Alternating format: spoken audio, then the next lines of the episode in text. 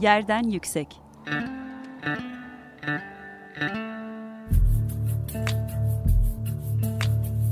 Kentin kent aşırı gündemi. Hazırlayan ve sunan Gizem Kıykı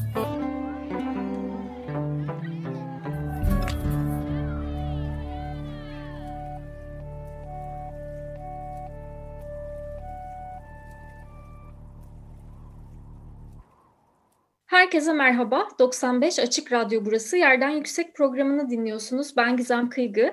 Kent aşırı sohbetler gerçekleştirdiğimiz programımızda bu hafta acil bir gündemimiz var. 30 Ekim günü İzmir'de gerçekleşen deprem ve sonrasında meydana gelen tsunami nedeniyle e, birçok e, yurttaş hayatını kaybetti ve e, yaralılar var. İzmir'de şu anda bir afet durumu söz konusu. E, programımız kapsamında biz de e, herkese, İzmir'de yaşayan herkese geçmiş olsun e, diyelim. E, depremde yakınlarını kaybedenlere başsağlığı diliyoruz ve yaralılara acil şifalar diliyoruz. E, Türkiye'nin çok e, canlı ve aslında hiç unutmamamız gereken bir gündemi deprem. Ama İzmir depremiyle bir kere de daha e, hazırlıksız yakalandık. E, bu kadar gerçeği olmasına rağmen hala e, hazırlıksız yakalanıyoruz e, depremde. Birçok e, bina e, hasar gördü, e, birçok kişi hayatını kaybetti. E, sivil toplum örgütleri çalışmalar yapmaya devam ediyorlar. Şu anda İzmir'de geçici barınma alanlarında e, kalan depremzedeler var. E, biz de İzmir depremini bugün e, birlikte konuşmak, değerlendirmek üzere e, TMOB Şehir Plancıları Odası İzmir Şube Yönetim Kurulu'ndan e, şehir plancısı Yusuf Ekici ile birlikteyiz bu akşam. E, hem İzmir'deki son e, durumu hem de e, depremin afete dönüşmesinin arka planındaki kentsel planlama e, süreçlerinin e, içerdiği çelişkileri e, konuşacağız bugün. Açık Radyo olarak depremi, genel olarak e, e, iklim krizini, afetleri e, ve buna hazırlanma durumumuzu çok konu ediyoruz. E, dinleyicilerimiz de bilirler. E, depremleri ve depreme hazırlık çalışmalarını daha çokça konu ettiğimiz e, programlar da var. E, bu anlamda özellikle Altın Saatler programı gerçekten çok değerli uzmanların ve Türkiye'de aslında birçok deprem yaşamış yerde depremzedelerin deneyimlerini de burada gerçekleştirilen mücadeleleri de konu eden e, bir program. E, bilgilenmek, dinlemek isteyen izleyicilerimiz, dinleyicilerimiz belki Açık Radyo sitesinden bu programların kayıtlarına da ulaşmak isterler diye ben yeniden belirtmek istedim. Çok da fazla sözü uzatmadan ben konuğumuza döneyim. Hoş geldiniz Yusuf Bey. Öncelikle çok geçmiş olsun size de. E, teşekkürler e, bugün bizimle birlikte olduğunuz için. E, nasıl şu an İzmir'de durum? Bize biraz e, son gelişmeleri aktarabilir misiniz?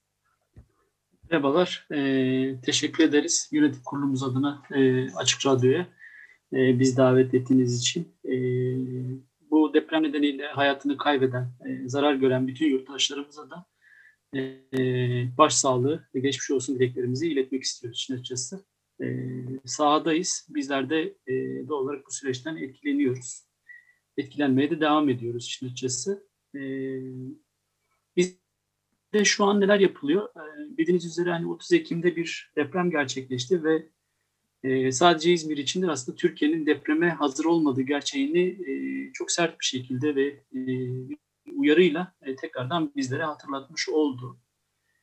Ee, belki şeyin altını çizmekte yarar var. Yani bu deprem meselesi genelde depremin olduğu sürelerde tartışılıyor. Ee, bu çok temel bir e, sıkıntı. Ee, deprem bittikten ve yaralar kısmi olarak sarıldıktan sonra ne yazık ki deprem gerçeğini e, hem kamu yönünden hem de toplum yönünden e, unutuyoruz ve gerçekler başka bir depremde yeniden yüzümüze çarpıyor. Şu an sahada neler oluyor? Belki onlardan biraz bahsedebiliriz. Yani çok hızlı bir şekilde biliyorsunuz e, deprem sonrasında e, kurumların müdahalesi oldu alana ve e, alana ilişkinde her geçen dakikada can kayıplarının sayısının arttığını gördük. Depremin gündüz olması bir şanslı diyebiliriz işin açıkçası. Az sayıda yapı yıkıldı aslına bakarsanız. E, fakat buna rağmen 115 tane canımızı yitirmiş olduk. Çok sayıda da yaralı var. E, depremin gündüz olması şanslı diyorum çünkü gece olsaydı e, bu sayı muhtemelen e, çok daha yüksek olacaktı. Can kayıplarımız çok daha fazla olacaktı. E, oraya müdahale, e, kurtarma faaliyetleri çok daha gecikecekti. E, bu anlamda sıkıntılar, e, çok daha ciddi sıkıntılar yaşayacaktık ne yazık ki. E, şu an alanda ağırlıklı olarak AFAD'ın koordinasyonunda, İlafet Acil Durumu Müdürlüğü'nün koordinasyonunda yürüyen bir süreç var işin açıkçası. E, aynı zamanda diğer e, işte İzmir Büyükşehir Belediyesi ve e, Bayraklı Belediyesi hani süreçten etkilenen doğrudan Bayraklı ilçesi ve Bornova e, belediyelerinin süreçte aktif rol aldığını, diğer ilçe belediyelerinin de e, hani sürece katkı anlamında e, sahada olduklarını görüyoruz. Tabii sadece kamu kurumları değil, aynı zamanda Türk Mühendis Mimar Odaları Birliği de sahada e, depremin yaşandığı ilk andan itibaren sahada tespitlerimizi yapıyoruz. TMOB Koordinasyon Kurulu'na bağlı, TMOB'u bağlı diğer meslek odalarıyla beraber. İşte bunlar şehir plancıları odası, mimarlar odası, inşaat mühendisleri odası gibi e, yani doğrudan bu alanı, bu deprem meselesiyle ilişkili olan meslek odalarımız e, ilk andan itibaren sahada yer alıyorlar. Çalışmalara devam ediyorlar. Afet aslında afet bu e, söylediğiniz şey çok önemli gerçekten. E, afet planlamasında e, çok fazla şeyi göz ardı edebiliyoruz ve gece gündüz farklılıkları da bunlardan bir tanesi. Gece bir afet yaşanması ile gündüz bir afet yaşanması arasında gerçekten çok büyük bir fark var. E, ve e, şu da çok önemli. Gerçekten e, Türkiye'nin e, deprem gerçeği bir biz çok fazla İstanbul merkezli konuşuyoruz depremi. Oysa ki Türkiye'nin birçok kentinin problemi deprem. Dolayısıyla e, belki ülke çapında bir e, afet planlamasının e, gerçekten bütün kurumların e, işbirliği içerisinde olduğu bir afet planlamasını hala bu kadar e, zamandan beri gerçekleştiremiyor olmamız e, çok acı. E, bunun bir ayağı kentler bölgesel düzeyde etkiliyor çünkü aslında deprem afetleri ve kentsel mekanda da baktığımızda aslında özellikle büyük şehirlerde şehirler birbirine birleştiği için çok fazla ulaşım problemleri zaten kentin kendi kapasitesi içerisinde ulaşım problemleri olduğu için yıkılan binalarla birlikte aslında e, kentsel hizmetlere erişim, afet anında e, koordinasyon merkezlerine ya da e, sağlık birimlerine ihtiyaç duyulabilecek bütün donatılara erişim, e, kentin dışına çıkmak bunların hepsi e, aslında çok büyük problem yaratıyor. E, bu depremde şunu da görmüş olduk biraz e, onu da e, değinmek istiyorum. E, özellikle 6306 sayılı yasayla birlikte e, deprem güvenliği e, biz 6306 sayılı yasa diyoruz. Belki dinleyicilerimiz e, ne olduğunu merak ederler. Kamuoyunda afet yasası olarak bilinen kentsel dönüş dönüşüme olanak sağlayan bir yasa bu. E, bu yasayla birlikte çok fazla e, kişilerin ev e, bireysel e, konutlarının güvenliğini alabildikleri bir süreç ortaya çıktı. Ama birçok mekan kullanıyoruz aynı anda. Çalıştığımız mekanlar var, işte doktora gittiğimiz mekanlar var, kentsel hizmetleri aldığımız mekanlar var. Dolayısıyla afet planlamasının bütün bir kentin yapılarını ve kentin kendi sistemini kapsayabilecek şekilde olmasının ne kadar önemli olduğunu da bu e, İzmir depremi dolayısıyla deneyimlemiş olduk. E, siz bir de e, TMOB Şehir Plancıları Odası olarak bir basın e, bülteni yayınladınız. E, bu sorunların hepsinden de e, orada e, geniş bir çerçevede aslında e, paylaşıyorsunuz. E, bu konuda o e, basın metninde hazırlarken sizin e, dikkat ettiğiniz hususlar nelerdi? Özellikle e, Plancılar Odası olarak İzmir planlamasının bu depremi afetleştirmesi üzerine söyleyecekleriniz neler olabilir? Şöyle depremden hemen sonra yani e, tabii deprem yaşandı ve e, ciddi e, sayıda e, bina hasar gördü e, biz de hani e, sahada olduğumuz için e, doğrudan hani süreci takip et, e, etmeye çalıştık. Aslında bizim e, deprem sonrası Şehir Plancılar Odası İzmir Şubesi'nin yaptığı açıklama e, aslına bakarsanız çok yeni bir şey söylemiyor. Yani yıllardır e, bu uyarıları TMOP Şehir Plancılar Odası bu kentte sorumluluğu bulunan İzmir, Aydın, e, Manisa, Uşak kentlerinin planlama süreçlerine ilişkin aslında e, ne yazık ki yeni bir şey söyleyemiyoruz sorunlara ilişkin. Bu sorunların çözümüne dair de yıllardır söylediğimiz, ifade ettiğimiz görüşlerimiz var. Ne yazık ki yerel yönetimler tarafından, ilgili bakanlıklar tarafından görüş ve önerilerimizin dikkate alınmamasından kaynaklı ne yazık ki bu süreçleri e, yaşıyoruz, e, bu can kayıplarını yaşıyoruz. Burada herkesin sorumluluğu var e, ama birinci dereceden ne yazık ki sorumluluğu olanların bu sorumluluğu yerine getirmediğini görüyoruz. Yaptığımız açıklamada çok temel, hani İzmir'de yaşanan depremin bize hatırlattığı şeyleri işin açısı yeniden vurgulama, hatırlatma ihtiyacı duyduk. Sonuç itibariyle bizler e, mesleki toplumsal sorumluluğumuz gereği e, planlama kentin e, gündemlerine ilişkin e, görüş ve önerilerimizi dile getiriyoruz.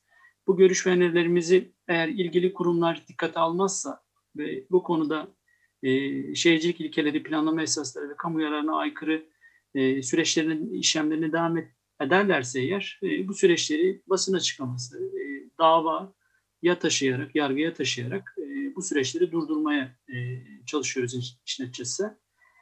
E, yaptığımız değerlendirmelerde altı temel şeye e, vurgu yapmıştık. Yani bunlardan kısaca bahsedeyim isterseniz e, dinleyicilerimize. Bu deprem bize aslında kent planlamasının önemi, önem, ne kadar önemli olduğunu bir kez daha hatırlatmış oldu işin açıkçası. Bu arada şunu da söylemeye ihtiyacı hissediyorum işin açıkçası. Ee, İzmir için söylediğimiz şeylerin aslında Türkiye'deki birçok kent için Türkiye'deki deprem riski yaşayan kentleşme sürecine kentleşme süreçlerine ilişkin geçerli olduğunu düşünüyoruz açıkçası. Çünkü çok farklı şeyler yaşamıyoruz e, diğer kentlerden. Siz de ifade ettiniz. Depremi İstanbul'da beklerken İzmir'de yaşandı. Halen deprem e, riski e, Türkiye'deki birçok büyük kent için e, önümüzde duruyor. Bu maddeleri tekrardan hatırlat, hatırlatırsam eğer İzmir depreminin kent planlaması için çok önemli olduğundan bahsetmiştik biz burada. E, yıllardır şehir planlama meselesinin çok disiplinli olduğunu, bunun çok sayıda disiplinle beraber çalıştığını, e, kent planlarının kamu yararı, şehircilik ilkeleri, planlama esasları en özet haliyle bunları dikkate alınmadan planlama süreçlerinin yürütülmesinin oldukça e, sıkıntılar yaratacağını, geri döndürülemez zararlara neden olacağını, e, buradaki e, planlama süreçlerinde aldığımız kurum görüşleri, e, analizler, sentezler, yani bizde e, şey planlama stüdyosunda bize hocalarımızın öğrettiği süreçlerin en temel haliyle e, bunların dışında yürütülen süreçlerin e, oldukça sıkıntılı olacağını, yani sizin Türkiye'deki üretim ilişkilerinin aslında toplumdan ve kamudan, e, doğadan e, bağımsız, bunlara aykırı, bunları yok eden tarzda bir e, yöntemle devam ettiği sürece ne yazık ki bu deprem gerçeğiyle e, kentlerin e, savunmasız kalacağını e, ifade ediyoruz.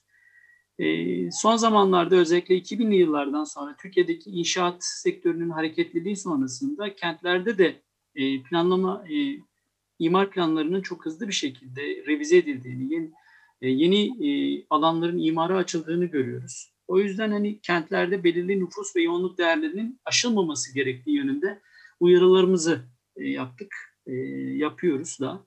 E, bu, bu konuda ne yazık ki bu uyarıların dikkate alınmadığını görüyoruz. Planlama süreçlerinde planlar uygulanmadığı zaman ilgili idarelerin çözüm olarak yoğunluk artışını çözüm olarak görmesi kentlerde bu sıkıntıların daha fazla artmasına neden oluyor. Çünkü yoğunluk ah, e, nüfus yoğunluğunu arttırdığınız zaman eğer o nüfusa yetecek sosyal ve teknik altyapı alanlarını e, karşılayamıyorsanız, ulaşım sistemlerini toplumdan kamu yararına yönelik çözemiyorsanız eğer o e, yaşanabilir bir kenti planlayamadığımızı, planlayamadığınızı göstermiş oluyor.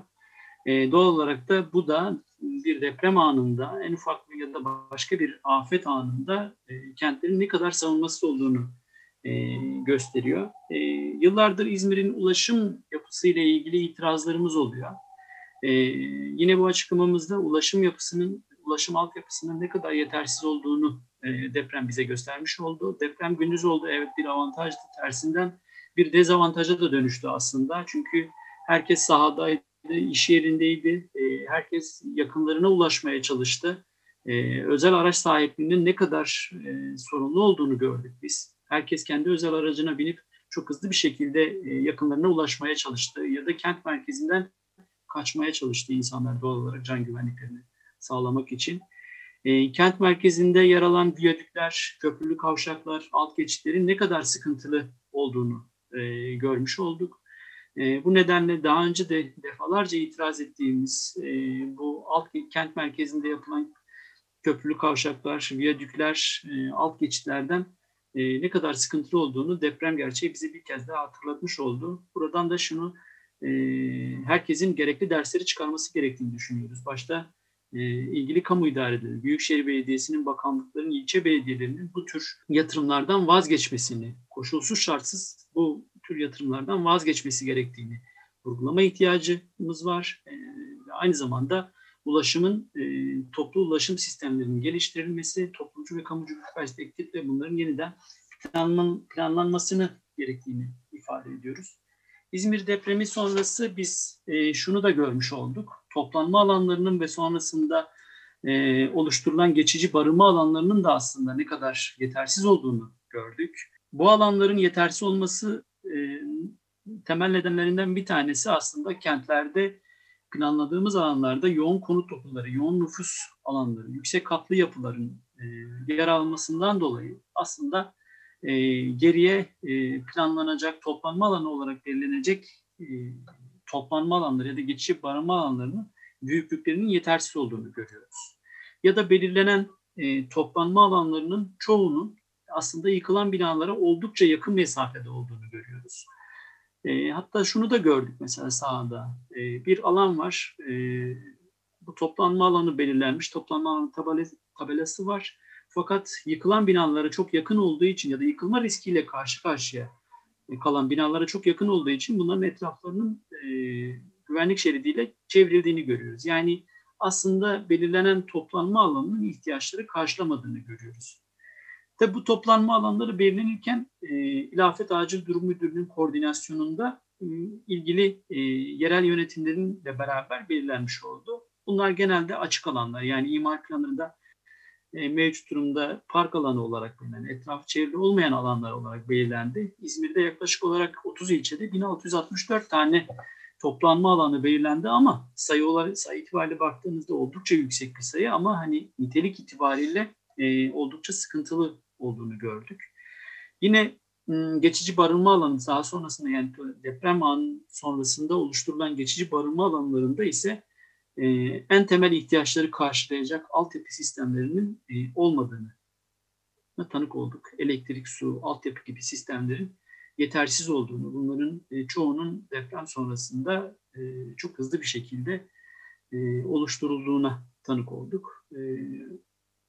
Dilerim deprem, yaşanan bu deprem e, bizlere bu geçici barınma alanlarının, toplanma alanlarının ne kadar önemli olduğunu e, önemli derecede hatırlatmış olur. Yine benzer bir şekilde hatırlarsınız açıklamamızda bir İstinye Park ifadesi var. İzmir'de yıllardır bir kent suçu olarak ifade ettiğimiz. Burası eskiden bir pazar yeriydi. Aslında İzmir'deki yurttaşların bir deprem sonrası toplanacağı en temel alanlardan bir tanesiydi. E, ne kadar haklı olduğumuzu da ne yazık ki göstermiş oldu. Keşke biz e, bu konuda haklı olmasaydık, birileri de oraya İstinye Parkı yapmamış olsaydı. Orası bir kamusal alan olarak devam etseydi. Son iki şey daha var. E, yine e, bu deprem bize aslında her vatandaşın güvenli bir konutta yaşama hakkını e, ısrarla e, vurgulamış oldu, hatırlatmış oldu hepimize. E, Türkiye'de biliyorsunuz e, konut üretimi e, serbest piyasanın dinamikleriyle, tamamen sermayenin dinamikleriyle yürüyor. Kamunun bu konuda oldukça geri planda kaldığını, serbest piyasanın tekelinde yürüdüğünü bu işlerin. Doğal olarak bu denetim süreçlerinin de eksiksiz eksik yürütülmesinden kaynaklı bugünkü tabloyla karşı karşıyayız. Oysa bu alanların kamunun denetiminde e, yapılması gerekiyor. Türk Mühendis Mimar Odaları Birliği gibi meslek odalarının da e, bu süreçleri e, denetlemesi gerekiyor. Bu meslek odalarının ne kadar da e, bu süreçlerde önemli olduğunu göstermiş oldu. Çünkü sahada e, bir e, yarı kamusal niteliği olan meslek odaları e, toplum yararı için, kamu yararı için e, hasarı tespit etmeye çalışıyorlar. E, bu yönüyle yani bu kurumların da e, yetkilerinin kısıtlanması değil, aslında yetkilerinin arttırılması önündeki yasal engellerin de kaldırılması gerekiyor. Bir önemli madde daha var, çok ilginçtir. İzmir'de deprem e, aslında e, beklenmeyen bir yerde yaşandı. Yani şöyle bu Bayraklı'da yıkılan binaların basından da öğrendiğimiz ilgili kamu idarelerinin yaptığı açıklamalar da e, bunu göstermiş oldu. Yıkılan binalar ruhsatlı yapılar. Ağırlıklı olarak 90'lı yılların sonlarında ve 2000'li yılların başında e, verilmiş ruhsatlı binalar yıkıldı. Bu yüksek yani 8, 10, 12 e, katlı binaların hemen yanlarında yer alan 3 katlı e, ya da ruhsatsız yapılar yıkılmadı. E, yani bu da mesela önemli bir tartışma konusu aslında. Yani e, imar planları yapılırken e, biliyorsunuz e, imar planları yapılırken çok sayıda kurumdan görüşler alınır ve bunlardan en önemlisi imar planlarına dayanak oluşturacak olan jeolojik jeoteknik etüt raporları vardır, zemin etütleri vardır. Bu etütlerde, e, etütler sonucunda en temel halde o etütler raporların sonucunda bir sonuçlar kısmı vardır. Aslında oranın zeminine ilişkin temel öneriler, e, yapı yaparken nelere dikkat edilmesine ilişkin veriler vardır. Ancak biz imar planlarında ne yazık ki genelde bu jeolojik etüt raporlarında belirlenen sınırların sadece aktarıldığını ve plan notlarında da şu onay tarihli jeolojik etüde uyulacaktır gibi bir ifadeden dışında bir şey göremiyoruz. Yani aslında o jeolojik etüt raporunda sonuçlar kısmında yer alan e, önerilerin plan notlarına, plan hükmüne, plan kararlarına yansıtılması gerekiyor. Oraya sadece sınırı işlediğinizde ne yazık ki e, deprem konusunda yeterli bir iş yapmış olmuyoruz. Yine bir de e, çok önemli. Programımızın da yavaş yavaş sonuna geliyoruz. Ee, konuşulacak tabii ki çok konu var ama... Son bir şey daha söyleyebilir miyim? Burada Hı. çok önemli çünkü bu imar affıyla ilgili. Hani bu jeolojik etütler çok önemli dedik. Bunların bu tarafa dönüşmesi lazım. Yani plan kararlarına yansıtılması lazım. Bir diğer önemli şey de İzmir depremi bize şunu hatırlattı. İmar affı meselesiyle biliyorsunuz 2017 31 Aralık'a kadar yapılmış olan imar kanununa aykırı, plan kararlarına aykırı yapılmış yapılarla devletin ıı, yetkili kesimleri tarafından ifade edildiği şekliyle vatandaşla barışıldı. Ancak o yapılan yasal düzenlemede şöyle bir ifade var. Yapının yani depreme dayanıklılığı maliki sorumluluğundadır diyor. Yani yapı yıkılırsa e, mülk sahibinin sorumluluğundadır diyor. Devlet ve İzmir'de elinden atıyor aslında. Devlet sorumlu sorumluluğu üzerinden atmış oldu ve İzmir'de 800 binden fazla yapının imar affına baş, başvurmuş olduğunu biliyoruz. Başka bir olası depremde e, bu yapıların e, mühendislik hizmeti almamış, mevzuata aykırı yapılmış bu yapıların ciddi anlamda zarar görme e, durumu var. Çok hızlı bir şekilde bunların bir planlama dahilinde e, öncelikle yapı kayıt belgelerinin iptal edilmesi, bir planlamanın yapılması gerekiyor diye düşünüyorum. Peki çok teşekkürler. Konuşacak çok fazla konu var. E, çünkü evet. aslında sizin de dediğiniz gibi afete e, hazırlanırken biz bazen çok belirli konulara e, saplanıp kalabiliyoruz ama bu bir kentsel, mekansal, e, bütüncül bir e, planlama konusu. E, çok teşekkür ediyorum sevgili Yusuf Ekici. Bugün programımıza katıldığınız için, değerli bilgilerinizi bizimle paylaştığınız için önümüzdeki günlerde biz yine süreci izliyor olacağız. Programımızın bu hafta sonuna geldik. Sevgili Yerden Yüksek dinleyenleri 15 gün sonra görüşmek üzere. Hoşçakalın. Yerden Yüksek